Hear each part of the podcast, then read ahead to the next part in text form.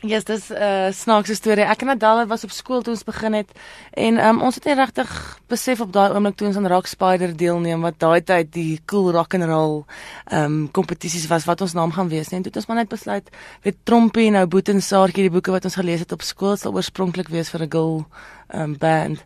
En toe het ons 'n spelfout gemaak en dit met 'n K I E gespel in plaas van 'n T E I E. So ons is Saartjie met 'n K I E in plaas van Saartjie.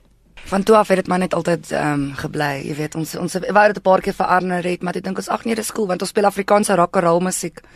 En ehm um, dit is nogal 'n bietjie teenstrydig teenoor die naam. Mm. Jy weet dis nie wat wat jy verwag nie, maar ons wil dit so hê. Ek wil net eers hoor wie het vir julle die spelfout uitgewys.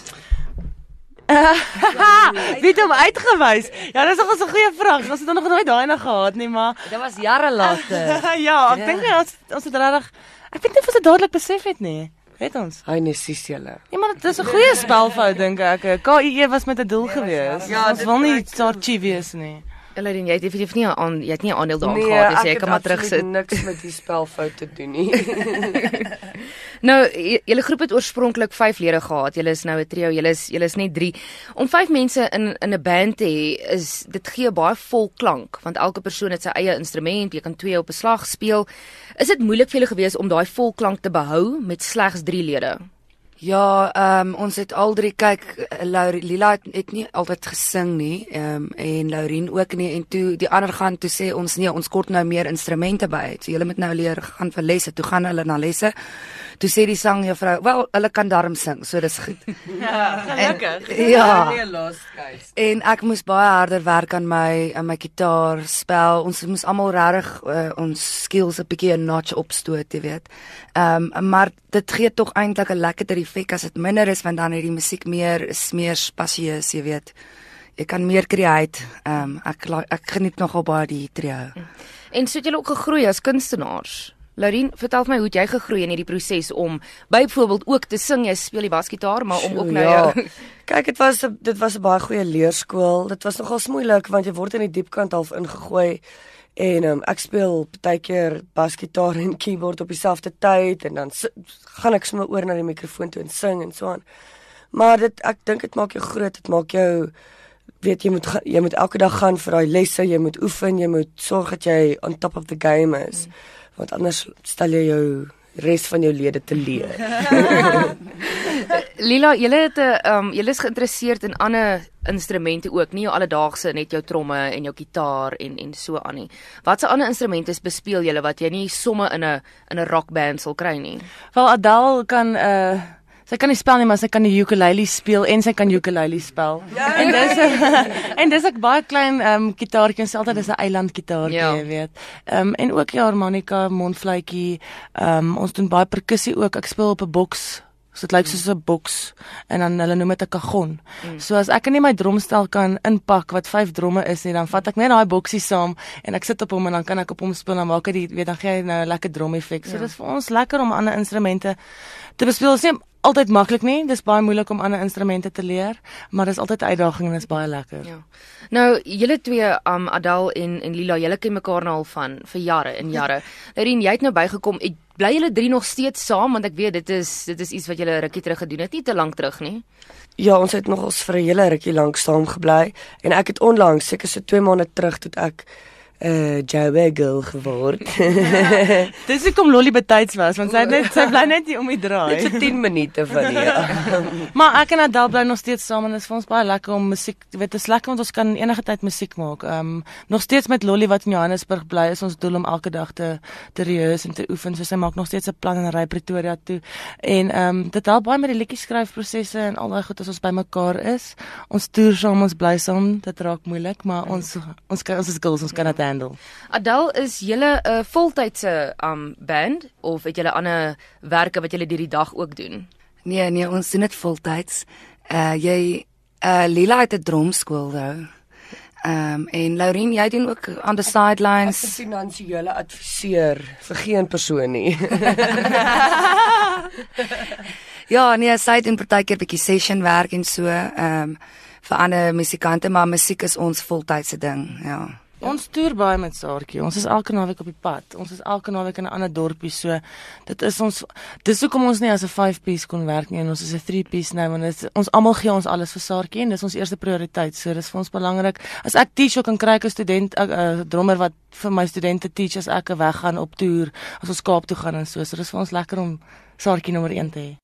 Het julle iets anders gedoen die laaste paar jaar om julle naam meer publiek te maak, om meer um in die sosiale media betrokke te wees want almal weet van Saartjie. Dis net dit is nie net meer 'n band wat ons nou en dan gaan kyk nie. Ja, ons het 'n media skakelaar, um Stabus Promotions, Alicia van Deventer en Steve van Deventer.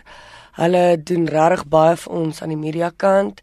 En um, ons het ook onlangs op Jam Sandwich so, wat Dion Maas um produce, het ons 'n lekker collaboration gehad met 'n kunstenaar van 'n heeltemal ander wêreld, jy weet. So toe moes ons 'n bietjie dinge bymekaar, koppe bymekaar sit in 'n in 4 ure 'n liedjie maak en sulke tipe goeie. So dit het ook ons in die meer in die Engelse mark bietjie um geadverteer as ek dit nou sou kan sê, ja. ja. Ons het ons het um ons het ons het besef in die laaste paar jaar of ek sal sê die laaste 2 jaar hoe belangrik social media is Facebook, Twitter en Instagram en um, ons rand dit self en ons is maar heeltyd besig met dit want dit ehm um, dit help baie vir laat mense begin jy weet bewus raak van jou. So ek moet sê ja. Ek wil ook iets sê, dis ons nogals interessant. Ons gaan ook gewoonlik na die ehm um, al hierdie soos die Gumas en die huisgenoot tempos. Ons was nou by die huisgenoot tempos en ons was nie eintlik genomineer vir iets nie, maar dit is vir ons lekker as almal vra altyd vir ons, wat doen julle hier as julle nie genomineer is nie. Dis vir ons lekker as Saartjie Girls om te gaan om, ondersteun. Ja, om te gaan ondersteun en ander bands te gaan kyk en ander musikante te support en by al hierdie events te wees en ons ja. en en dat die mense kan sien o, daar hardloop daai drie alweer. Jy weet, dit is vir ons belangrik dat mense weet saartjies in die in die gebou. julle julle het julle mense wat hulle help met julle media en julle meer ingelig daaroor, maar julle is onafhanklik. Julle het nie 'n platemaatskappy nie. Was dit 'n doelbewuste besluit geweest van die begin af? Adel. Ja, dit was 'n doelbewuste besluit van die begin af. Ons het Ehm um, omdat ons het 'n paar keer het ons mense ontmoet wat ons wil sign en dan lees ons die kontrak en dan sê ons nee, ag hier is nie lekker nie. En ehm um, ons was lucky geweest nou met die laaste album ons het 'n 'n vriend gekry wat ons gesponsor het die geld. So toe kon ons dit doen, jy weet, maar anders as jy nie die geld nodig het nie dan kort jy nou maar 'n 'n jy weet 'n maatskappy, maar ons wil so lank as moontlik dit sou hou. Mm.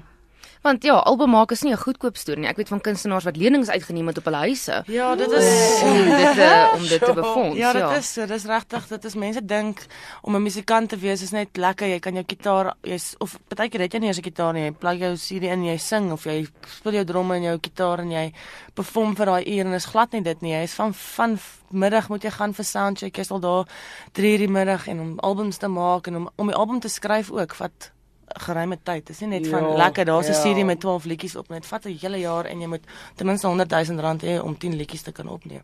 Nou, vertel my van die feeste. Julle is groot name by feeste ook. Julle was onlangs gewees by in die Drakensberg as ek dit nie mis het nie. Ja. Julle was vroeër die jaar wat julle in Mosambiek by Strab. Dis een van my gunsteling feeste. Vertel my van van julle ervaring by die feeste. Julle is 'n all-girl band. Ja, ek moet sê voor Strab het ons nogal baie geoefen. Jy weet, ons wou nog al 'n punt daar maak en uh, dit is lekker as ons girls is ons het soos sulke outfits aangetrek en jy weet soos ons veer in ons hare gesit en maar dit is jy wil tog 'n naam maak daar want omdat al die musikante so goed daar. So jy wil nou nie laat mense sê ag shame die girl band was alright nie. Jy weet die mense moet sê dit was hulle was net soos die ander bands. Ons wil net soos die ander bands wees. So ons werk nogal hard daarna. Maar Strap was vrek lekker. Ons het 'n music video ook daar gemaak wat van die nuwe album wat nou gaan uitkom. So dit was baie fun geweest. Ons is ja, ons is lief vir rock and roll feeste. Ons ek moet sê Saartjie kan ek, ons het 'n groot diversiteit. Ons kan nie Afrikaanse feeste soos KAKNK in die bos, aardklop en Billy Millie fees, Kiri Klapper fees. Ons doen daai ook. Maar wat vir ons uitstaan is strab um up the creek op die koppie jy weet ons ons ons sing dis vir ons lekker om 'n lekker true rock and roll. Die smoking dragon adrenaline fest wat nou in Junie in Drakensberge was was amazing en hulle doen nou nuwe jaar ook een in um selfe plek selfe venue ons baie opgewonde. Ja. En vertel my van die nuwe album, die liedjies wat hulle skryf. Dit is nie um vinnig om 12 liedjies aan mekaar te sit nie. Dit is nou daarom besig om aan die gang te kom. Kyk, jy daar's gewoonlik so tyd wat jy nie regtig baie skryf en dan kom maar weer tyd wat jy sommer 5 liedjies in in 2, 3 weke skryf. Maar jy jy kan nie daai as 'n verskoning gebruik om te wag vir inspirasie nie. Jy moet net in elk geval deeltyd skryf. So ons drie is nou hard besig. Ons het gister gepraat waartoe gaan hierdie album want jy moet of 'n tema hê dat ek ook kan weet jy weet waaroor mense nou gaan skryf want ons wil nie die hele album liefdes album maak nie, jy wil tog ietsie sê. So dan praat ons maar en sê wat wil ons sê, wat is ons mission en dan sit ons maar ons koppe bymekaar. So die album is nog baie daar's 'n uh, hele paar liedjies, maar op die oomblik het ons meer Engelse liedjies as Afrikaanse liedjies. So ons moet nou weer 'n bietjie sit en nou net Afrikaans gaan. Ja, want dit is ook iets wat um nie nuut is vir julle nie, maar julle is mal oor Afrikaans. Ja. Dis julle dis julle moedertaal. Julle is trots Suid-Afrikaans. So hoe die Engelse storie nou bygekom of was dit net toeval? Uh ek skryf ook in Engels en dis al vir my makliker om in Engels te skryf. Afrikaans probeer mens maar bietjie ek wil nie dit net so bokkie wil sokkie kom ons gaan eet 'n chokkie of so iets. Hm. Ek wil nie sulke goed skryf nie, so dit vat lank, jy weet. Ehm um, Afrikaans skryf sal ek sê vat lank vir ons. Mm.